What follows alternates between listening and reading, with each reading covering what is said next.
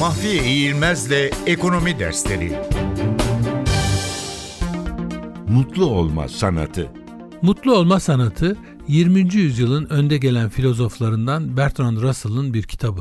Ekonomiyle bir ilgisi yok. Ama 2017 yılında yaşanabilecek zorluk ve sıkıntılara karşı okunmasında yarar olduğunu düşünüyorum.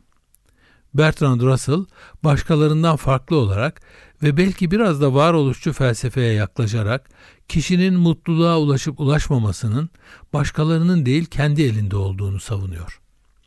Mesela bir yerde insanın mutsuzluğunun en temel nedenlerinden birisinin çekememezlik olduğunu ortaya koyuyor ve bu dürtüyü demokrasinin de arkasındaki itici güçlerden birisi olarak tanımlıyor.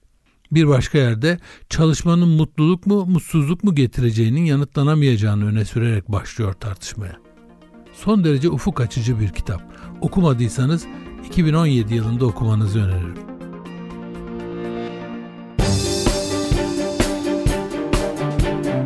Mahfiye İğilmez'le Ekonomi Dersleri